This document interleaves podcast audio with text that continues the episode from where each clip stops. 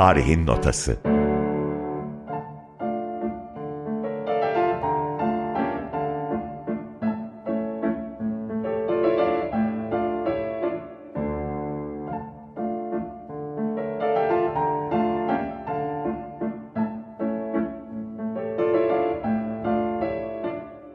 Müzikli bir tarih rotası.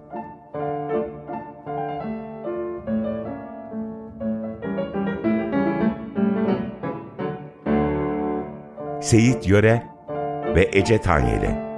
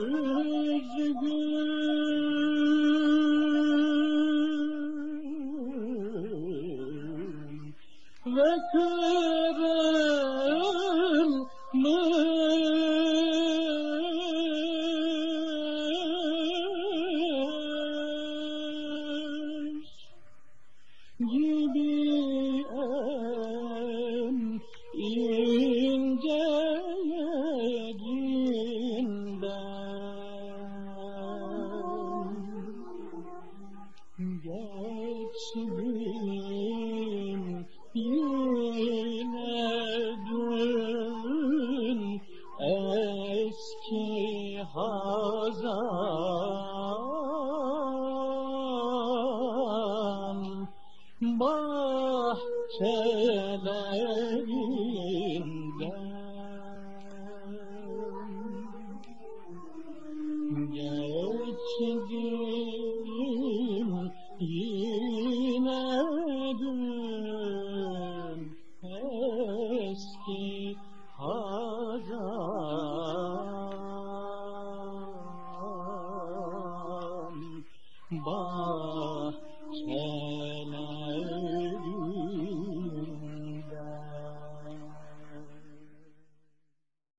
Tarihin Notası programından herkese selamlar, sevgiler. Ben Ece Tanyeli. Ben Seyit Yüre. Ee, az evvel Alaaddin Yavaşça'nın e, okuduğu bir şarkıyı dinledik. E, Selahattin Pınar'ın bestesiydi.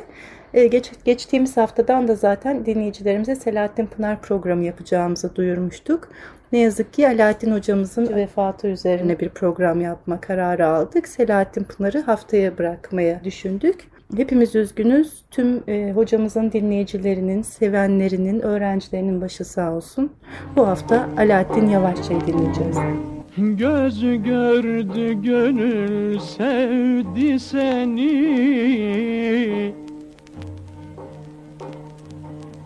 Ey yüzüm ahım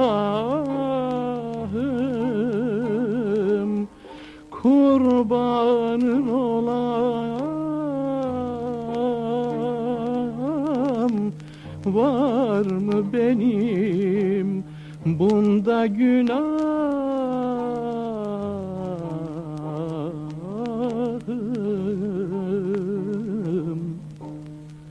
Var mı benim bunda günahım Evet efendim, eee, 95 yaşındaydı Alaaddin Yavaşça. Eee, Kendisi uzun zamandır da rahatsızdı. Epeyce zamandır. Ve eee, iki gün önce de vefat ettiğini öğrendik.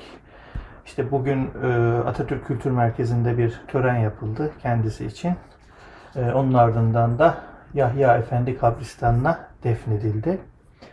Bugünkü programımızda e, bol bol Alaaddin Yavaşça'dan bahsedip onun e, hatıralarından, hayatından bahsedip, yaptıklarından bahsedip hem bestelerini dinleyeceğiz hem e, başka bestekarlardan sesini dinleyeceğiz. Ama hep Alaaddin Hoca'yı dinleyeceğiz. Evet, hep Alaaddin Yavaşça dinleyeceğiz. Şimdi Alaaddin Yavaşça e, ömrünü gerçekten musikiye adamış. Çok değerli bir bestekar, icracı. E, aynı zamanda çok sayıda da öğrenci yetiştirmiş bir bilim insanı. Şimdi istersen biraz Alaaddin Yavaşça hocamızın biyografisinden bahsedelim. Evet aslında önce musikiyle ilişkisinden biraz bahsedebiliriz. Belki Kilis'te doğduktan sonra işte lise döneminde İstanbul'a geliyor. İstanbul Erkek Lisesi'nde e, okurken e, bir taraftan da Artaki Candan'dan kanun dersleri alıyor. Aslında Kilis'te e, Avrupa tarzı kemanla müziğe başlıyor 8 yaşında. Sonra İstanbul Üniversitesi Tıp Fakültesi'nde 1951'de mezun oluyor ama öncesinde 1945'te üniversitenin bir e, Türk Sanat Müziği korosu var. Oraya giriyor. Musiki ile ilişkileri böyle devam ediyor uzunca yıllardır. Ancak bir taraftan da hekimliği de bırakmıyor. 40 yıl boyunca pratisyenlikten işte başhekimliğe kadar e, hekimlik de yapıyor ve aynı yıllarda da aslında musiki ile ilişkisini sürdürüyor. Tabii pek çok bültende de bilimsel neşriyat Ha, var. evet ondan bahsedeyim yani e, tıpla ilgili yani kendi alanı ileri kadın doğum uzmanı olarak da Hı hı. aslında birçok makale de yazıyor yani o işi bırakmıyor. Hem hekim, hekim olarak da Türkiye'ye İstanbul'da katkıları olmuştur.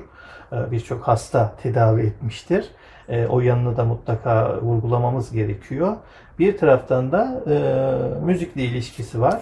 İşte etrafında tabii birçok kişi olmuş. Bazılarından özel olarak bahsedeceğiz. İşte Münir Nurettin Selçuk, Saadettin Kaynak, Mesut Cemil, e, Refik Fersan gibi birçok insanla e, meclislerinde bulunmuş. Onlardan Evet. fikirler, bilgiler almış. Hüseyin Saadettin Erel, Salih Murat Uzdilek, Supi Ezgi birçok isim sayabiliriz. Yani ilk İstanbul'da e, çevresinde olan e, müzik adamları kendinden yaşça büyük olan müzik insanlarından bahsediyoruz. Onların hepsinden e, bir şeyler almış aslında. Ve kendisi de sonradan işte 1970'lere geldiğimizde e, 1951'de bu arada solist olarak radyoya giriyor. Bir Evet. taraftan hekimliği devam ederken radyoda da aslında e, solist sanatçı e, oluyor. Çok da değerli radyo kayıtları var Evet, o dönemlerden evet, kalma. Evet. evet. Biz de dinleyeceğiz kimilerini. Bugün evet e, 1976'da dediğin gibi Türk Müziği Konservatuvarına girip e, yani hoca olarak hem de yönetim kurulu üyesi olarak girip e, orada da e, dersler vermeye başlıyor. Uzunca yıllar dediğin gibi 2005'e kadar. Tarihin Notası Hocamızın sesinden güzel bir eser dinleyelim. Evet. Güfte beste Alaaddin Yavaşça'ya ait. Nerede o günler, nerede yarim, Cananım nerede diyecek. Ee, Hicaz şarkısını dinliyoruz. Alaaddin Yavaşça stüdyomuzun bugünkü misafirleri arasında. Her zamanki sempatik, güler yüzü simasıyla ayaklarının ucuna basa basa geldi ve mikrofonun başındaki yerini aldı. Sözü kendisine bırakıyoruz. Bu programda Hicaz makamında bir şarkı Nerede o günler? İnşallah dinleyicilerim beğenir. cananım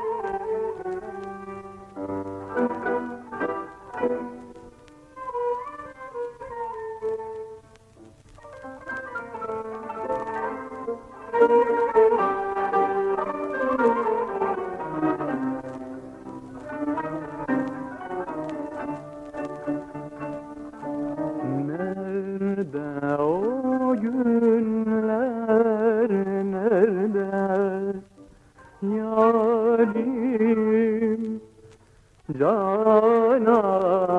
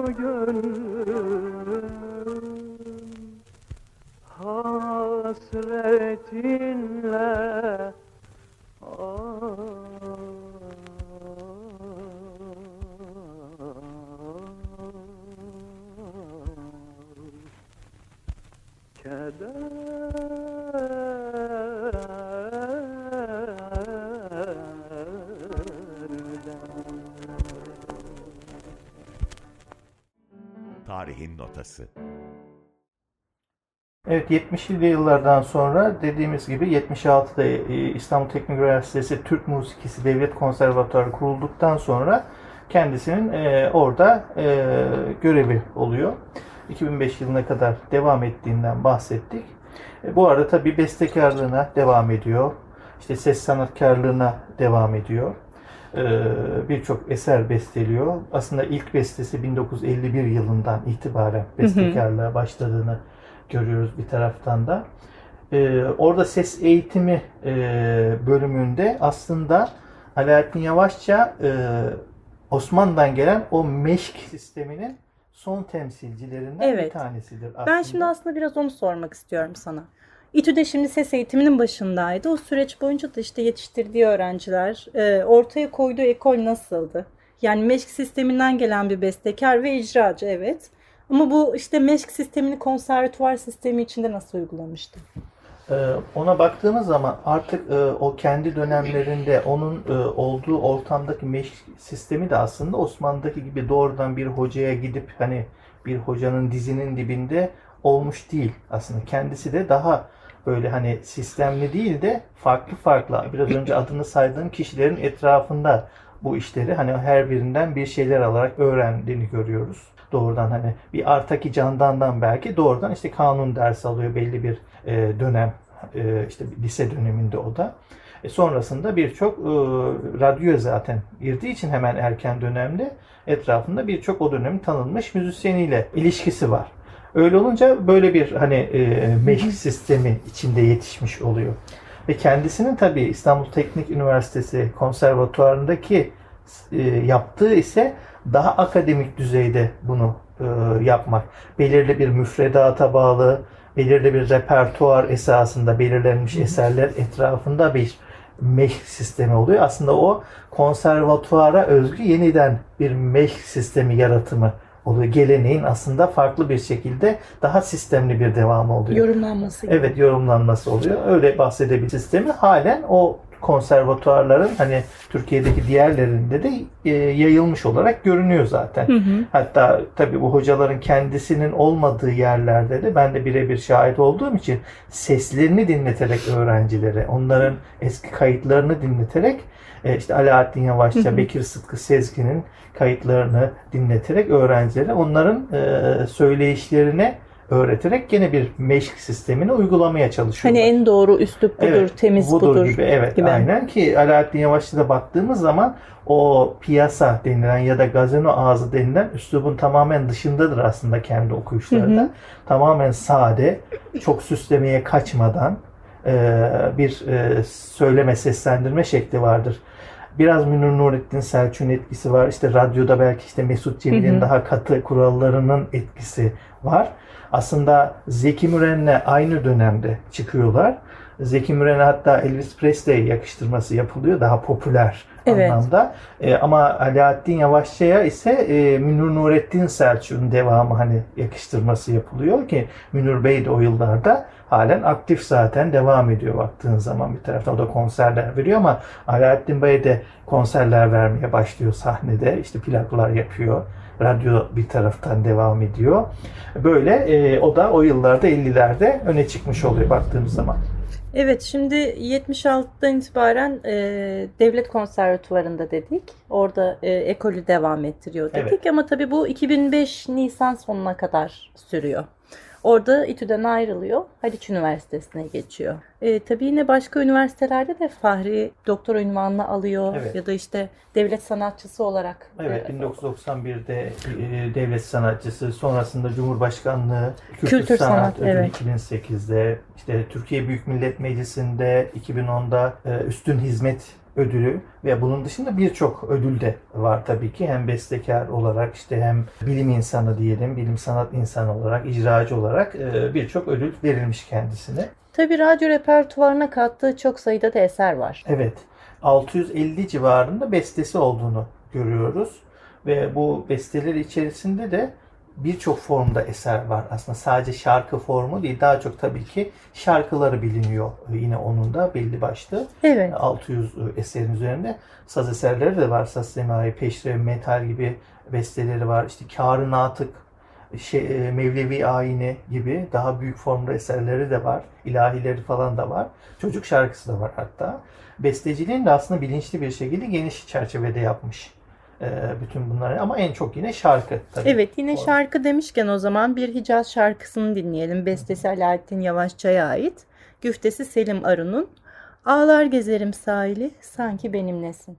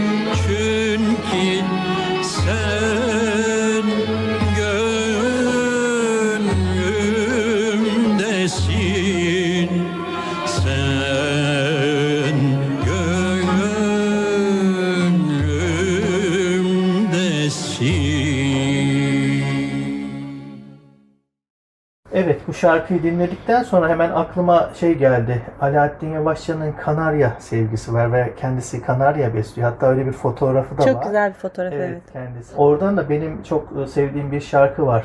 Kanaryam, güzel kuşum şarkısı, Hicaz şarkı. Ee, sosyal medya hesaplarımızdan onun sesinden çünkü öyle bir kayıt var. Ee, onu da paylaşabiliriz dinleyicilerimizle. Evet o zaman Instagram ve Twitter'dan et tarihin notası hesabını takip ederlerse oradan da onları paylaşmış olalım. Peki de az evvel mesela farklı e, şeylerden bahsederken form üzerinde de durdun. Şimdi Alaaddin Hoca'nın e, Türk musikisinde kompozisyon ve beste biçimleri adlı bir kitabı var. Biraz o kitapla ilgili sorayım sana istiyorum. Hı hı. Şimdi makam analizi üzerine çok fazla çalışma var. Hani doktora çalışmaları da var, yüksek lisans çalışmaları da var. Ama Alaaddin Hoca burada başka bir şey yaptı. Hani formlar üzerine nazari bir çalışma yürüttü. Onu biraz hani değerlendirebilir misin? Hani dinleyiciler için de teknik olarak da yaptığı şeyin neydi, farkı neydi?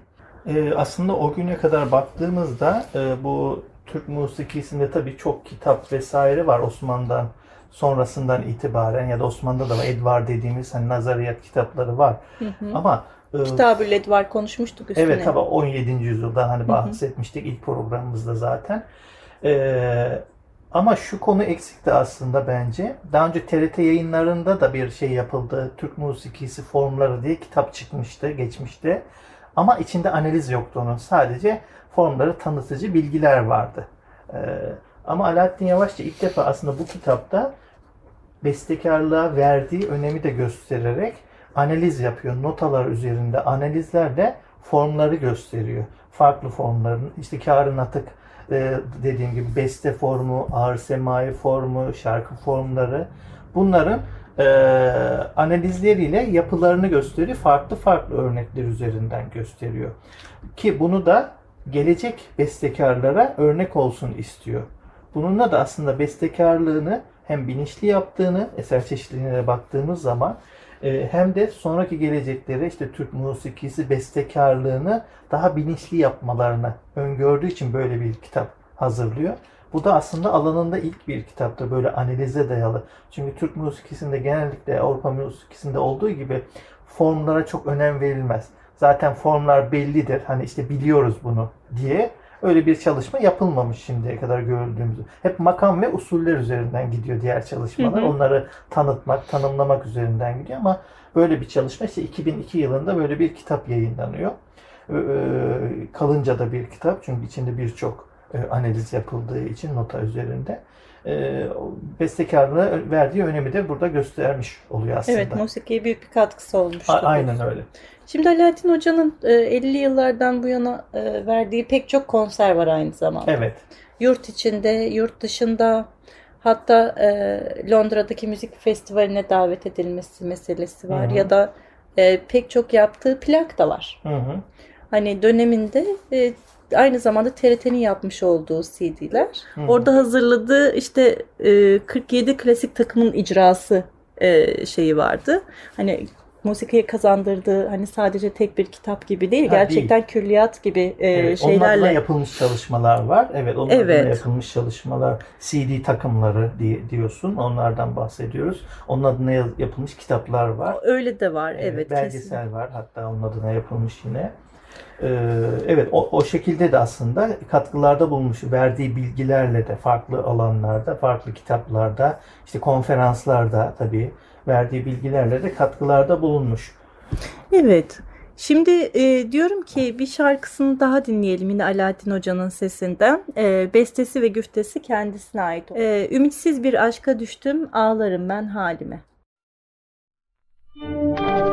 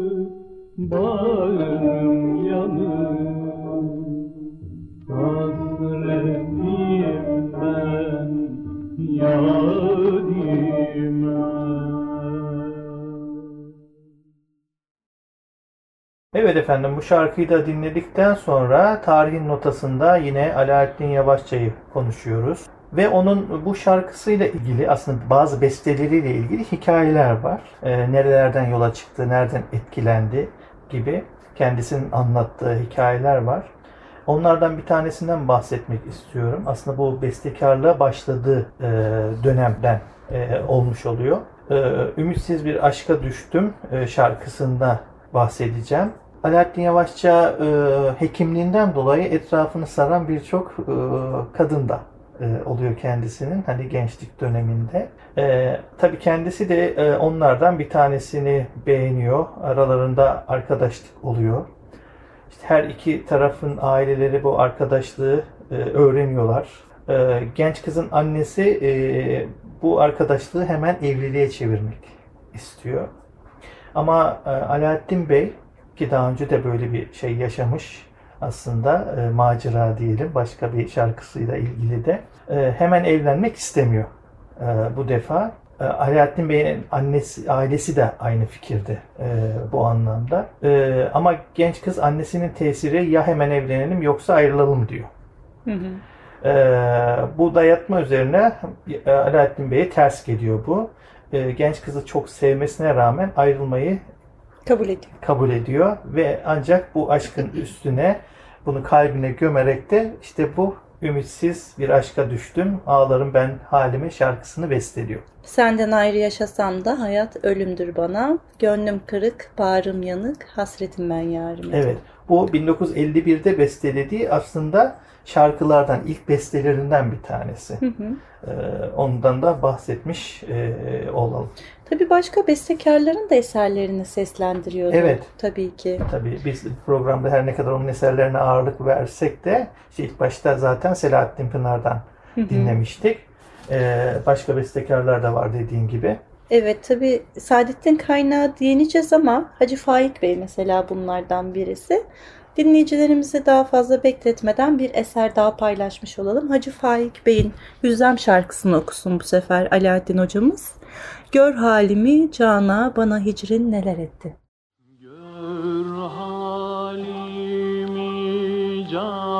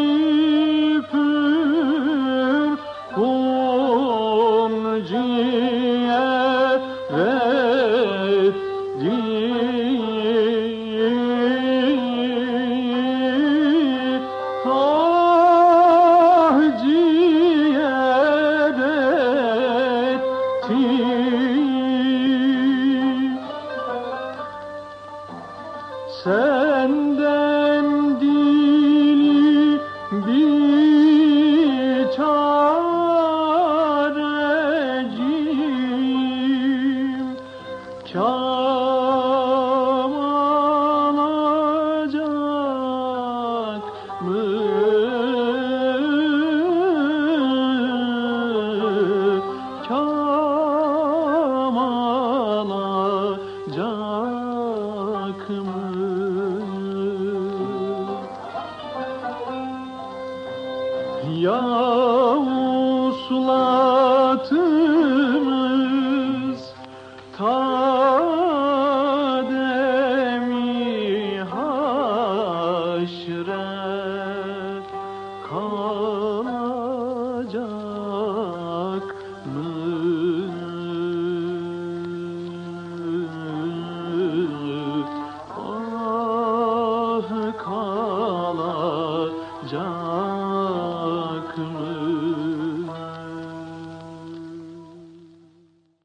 Evet, Tarihin Notası programında devam ediyoruz. Alaaddin Yavaşçı hocamızı rahmetle yad ediyoruz.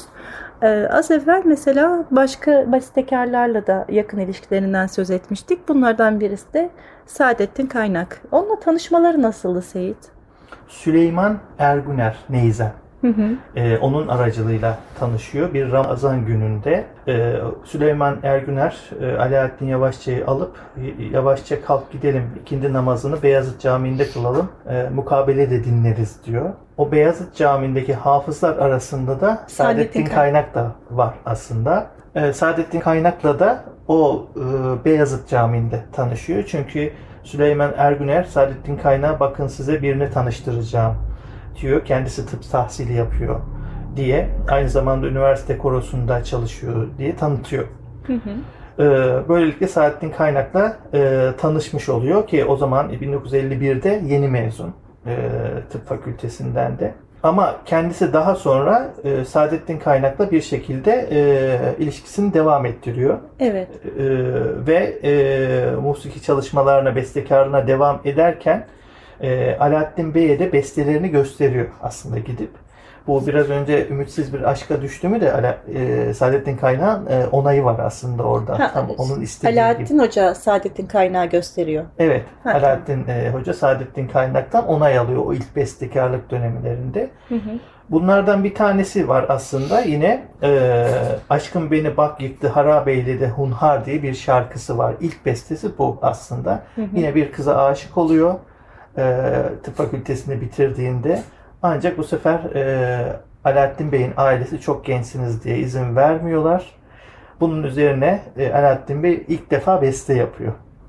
Bu besteyi de Saadettin Kaynak'a götürüyor. Saadettin Kaynak bakıyor ve diyor ki bu e, şarkı çok eski üslupta olmuş diyor. Sen Hı hı. daha geniş e, bir üslupta yapmalısın diyor.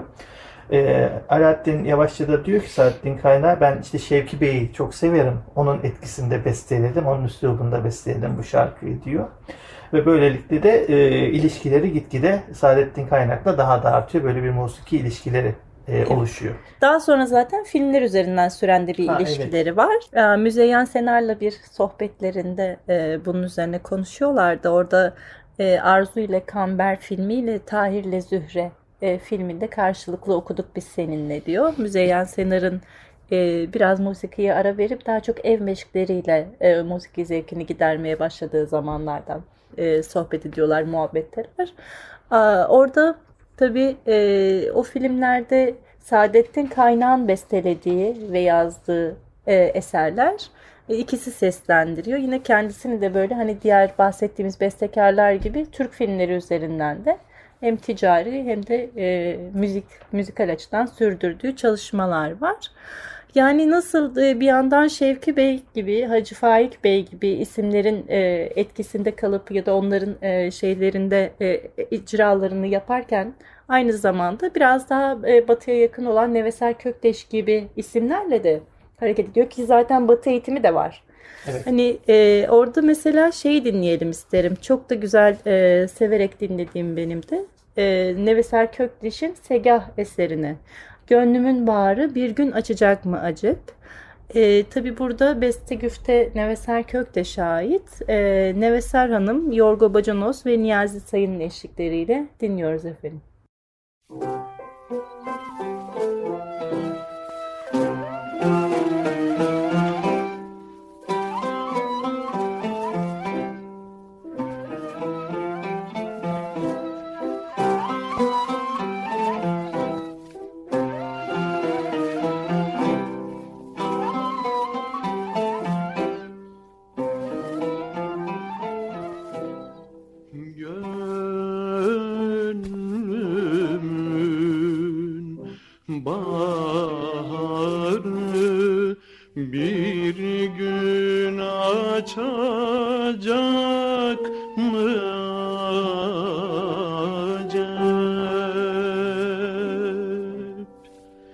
gönlümün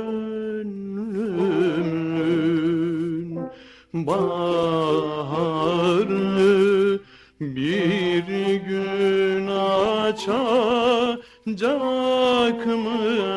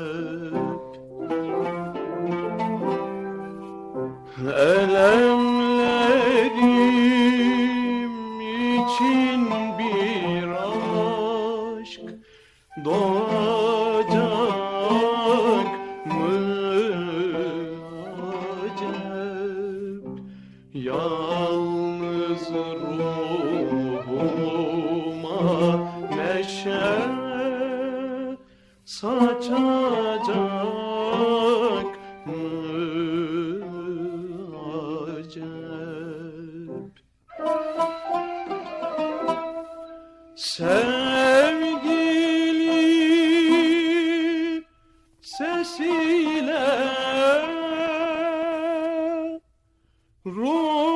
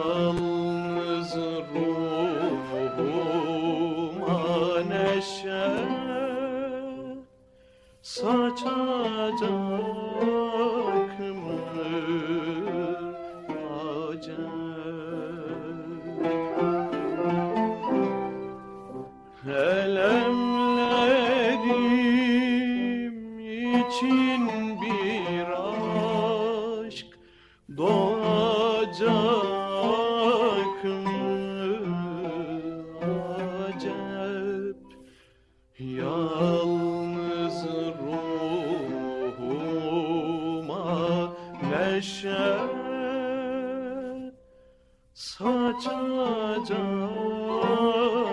mı?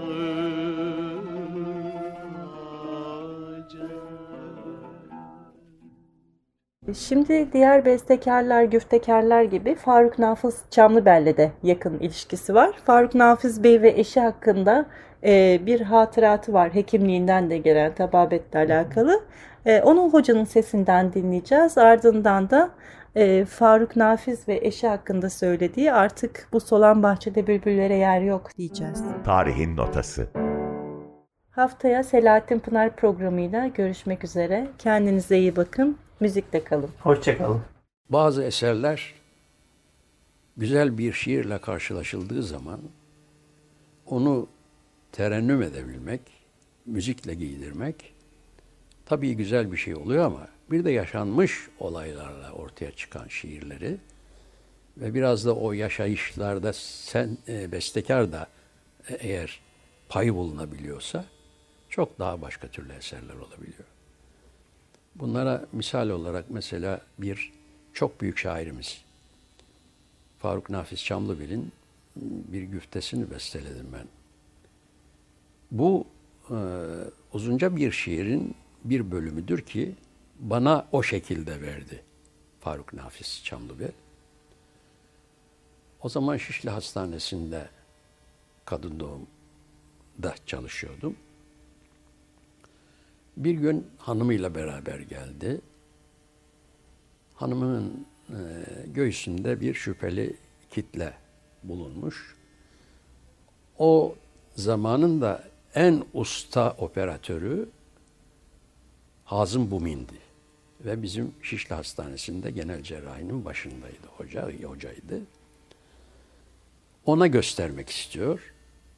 O koskoca şair mahcubiyet içerisinde ben randevu alamadım, edemedim. Yani cesaret edemiyor randevu almaya. Alaaddin acaba bir tanışıklığımız vardı çünkü ona şey ederek. Bir randevu alabilir misin Hazım Bey'den bizim hanımı muayene etmek için?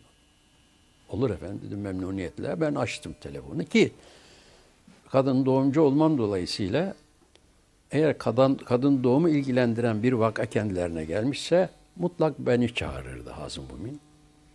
Benden bir konsültasyon yapardı. Bazen açtığı zaman kadın doğuma ait olduğunu görürdü. Gene beni çağırırdı. Sen devam et ameliyata diye bırakırdı bana. Bir yakınlığımız var Hazım. Sonradan bu ailevi de oldu bu yakınlık. Telefon açtım hocaya. Dedim ki hocam böyle böyle bir durum var. Ne demek dedi Faruk Nafiz Çamlıbey'in hanımı. Onun için randevu olur muymuş dedi. Hemen getir bana dedi ben göreyim. Ve götürdük. Muayenenin sonucu çok üzücü çıktı. Hazım Mumin maalesef bu vakt zamanı geçirilmiş olan bir vaka dedi. Ee, biraz yayıl, yayıl, yayılmış dedi. Koltuk altını tutmuş dedi. Ee, böyle bir vakaya ameliyat yanlıştır. Bu palyatif bir tedavi vereceğiz. Ama sonuç pek iyi olmaz. Ben bunu intikal ettirince tabii Faruk Nafiz Çamlıöre yıkıldı. Çok üzüldü. Arkasından da bana bir mektup gönderdi. Mektubun içerisinde bu dörtlüyü koymuş. Artık bu solan bahçede bülbüllere yer yok. Bir yer ki sevenler sevilenlerden eser yok. Bezminde kadeh kırdığımız Bez, bezminde kadeh kırdığımız sevgililerden eser yok. Bir yer ki sevenler sevilenlerden eser yok. Yani bir nevi o yaşadığı hayatın e, şeyini kendisinde uyandırdığı hissiyatı bu dörtlüye dökmüş olarak bana gönderdi. O şarkı böyle çıkmıştır. Ben de tabii Faruk Nafiz Çamlıbel'in hanımını da tanıdığım için o üzüntüyü paylaşmak suretiyle bu besteyi yaptım.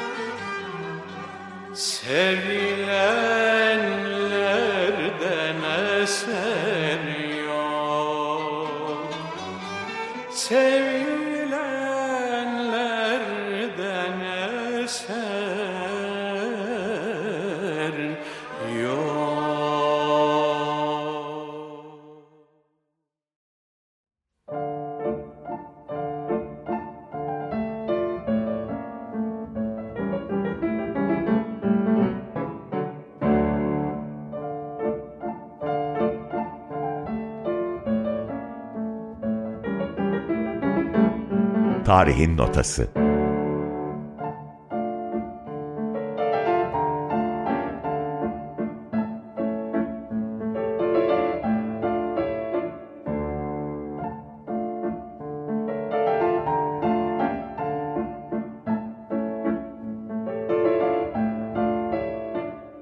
Müzikli bir tarih rotası.